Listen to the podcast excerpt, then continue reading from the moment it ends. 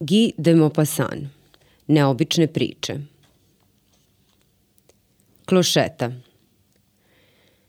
Kako su čudne te stare uspomene koje vas obsedaju tako da ne možete da ih se otresete. Ova je toliko stara, toliko stara da ne mogu da shvatim kako je ostala tako živa i tako uporna u mom duhu. Od onda sam video toliko jezivih stvari, uzbudljivih ili strašnih da se čudim što ne može da prođe ni jedan jedini dan, a da mi se lik baba Klošete ne pojavi pred očima, onakve kako sam je znao nekada, tako davno, kada sam imao 10 godina. To je bila stara švalja koja je dolazila jedan put nedeljno svakog utornika da krpi rublje kod mojih roditelja. Moji roditelji su stanovali u jednoj od onih velikih seoskih kuća koje nazivaju zamkovima, a koje su prosto starinska zdanja sa šiljatim krovovima kojima pripada 5 do 6 majura grupisanih oko njih. Selo, veliko selo s trgom, ukazivalo se na nekoliko stotina metara, zbijeno oko crkve od crvenih cigala, pocrnelih od starosti. Dakle, svakog utorka baba Klošeta je dolazila između 6 i po i 7 časova ujutru i pela se odmah u sobu za rublje i započinjala rad. To je bila visoka, mršava žena, bradata ili, bolje reći, dlakava, jer je imala bradu po celom licu, čudnovatu bradu koja je rasla u neverovatnim kitama, u kovrčavim čupercima koje kao da je neki ludak posadio na ovom velikom licu žandarma u suknji. Imala ih je na nosu, ispod nosa, na bradi, na obrazima, a njene obrve, čudno široke i dugačke, sasvim sede, guste, nakostrešene, izgledale su potpuno kao par brkova nameštenih tu greškom.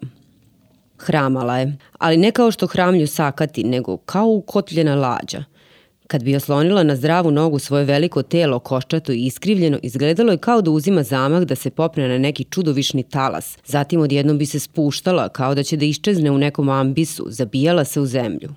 Njen hod izazivao je predstavu bure, toliko se klatila, a njena glava uvek s ogromnom belom kapom, čije su joj pantljike lepršale niz leđa, izgledalo je pri svakom pokretu da prelazi horizont sa severa na jug i s juga na sever.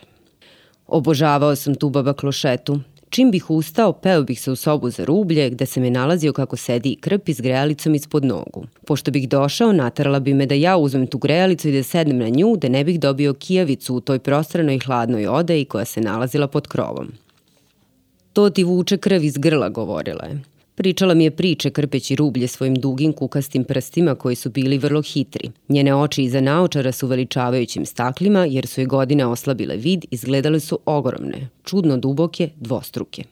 Ukoliko mogu da se setim stvari koje mi je pričala i koje su uzbuđivale moje detinje srce, ona je bila sirota žena velike duše. Videla je stvari široko i prosto. Pričala mi je događaj iz sela, priču o kravi koja je pobegla iz staje i koju su pronašli jednog jutra pred vodenicom Prospera Malea, da gleda kako se okreću drvena krila ili priču o kokošijem jajetu nađenom na crkvenoj zvonari, a da niko nikad nije shvatio koja je kokoška došla gore da snese. Ili priču o psu Jean-Jacques Pilasa koji je otišao 10 milja od sela da uzme pantalone svog gospodara koji je ukrao neki prolaznik dok su se sušile pred vratima posle trke po kiši. Pričala mi je te naivne događaje na takav način da su dobijali u mojoj duši razmere nezaboravnih drama, grandioznih i tajanstvenih poema i priče pune duha koje su pesnici izmišljali i koje mi je uveče pričala moja majka nisu imale onu draž, onu širinu, onu snagu koje su imale priče ove seljanke.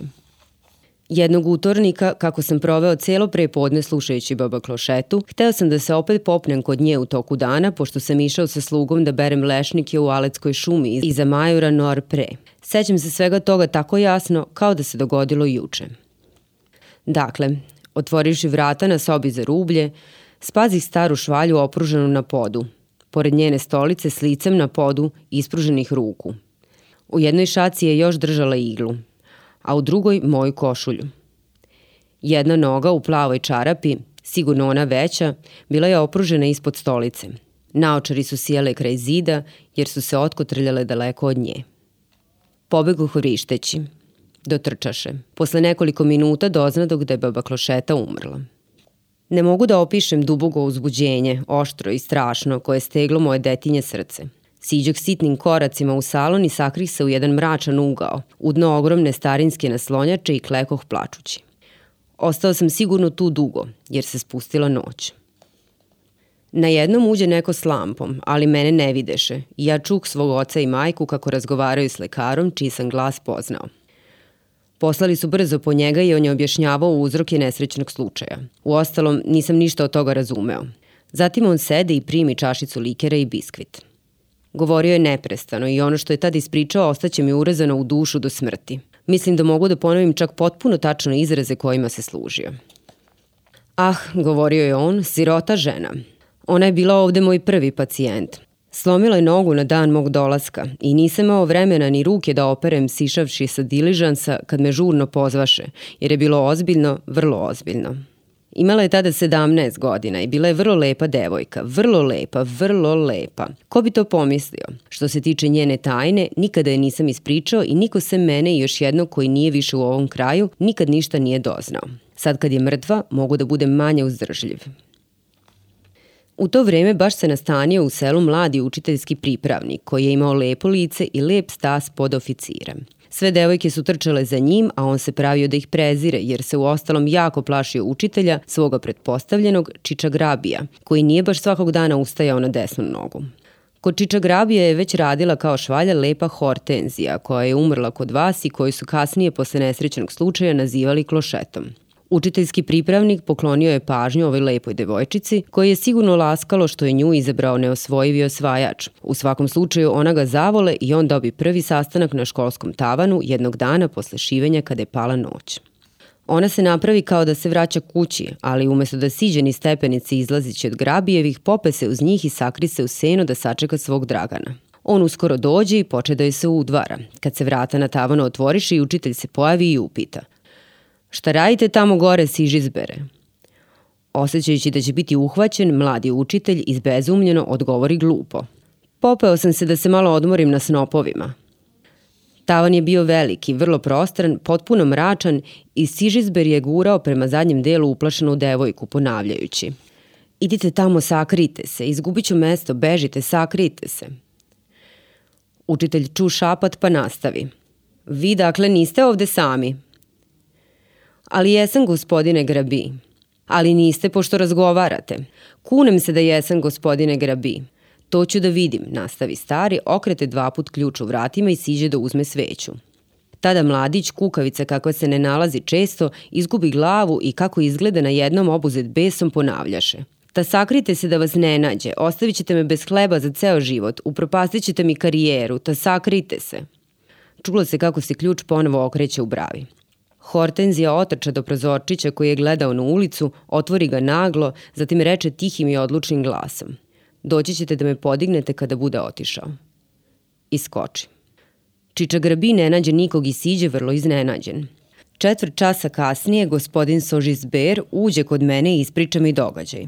Devojka je ostala pored zida, nesposobna da se digne, pošto je pala s drugog sprata. Otišao sam s njim da je vidim. Kiša je pljuštala i ja prenesao kod sebe nesrećnicu, koja je desna noga bila slomljena na tri mesta tako da su kosti probile kroz meso. Nije jadikovala, nego je samo govorila s izvanrednom pomirenošću. Kažnjena sam, dobro kažnjena. Potražio sam pomoć i devojčine roditelje, kojima sam ispričao priču o kolima koja su besno jurila, srušila i osakatila pred mojim vratima. Poverovali su mi i žandarmerija je uzalo tražila mesec dana vinovnika ovog nesrećnog slučaja. Eto, ja kažem da je ta žena bila heroj, heroj one vrste koji izvršavaju najlepša istorijska dela. To je bila njena jedina ljubav. Umrla je kao devojka. Ona je bila mučenica, velika duša uzvišene odanosti. I da je se nisam bezgranično divio, ne bih vam ispričao ovu priču koju nikad nikom nisam rekao za njena života. Vi razumete zašto. Lekar je učutao. Mama je plakala. Tata je izgovorio nekoliko reči koje nisam dobro shvatio, zatim odoše. A ja ostadoh klečeći u naslonjači, jecajući, dok sam slušao neobičnu lupu teških koraka i udara na stepenicama. Odnosili su telo baba klošete.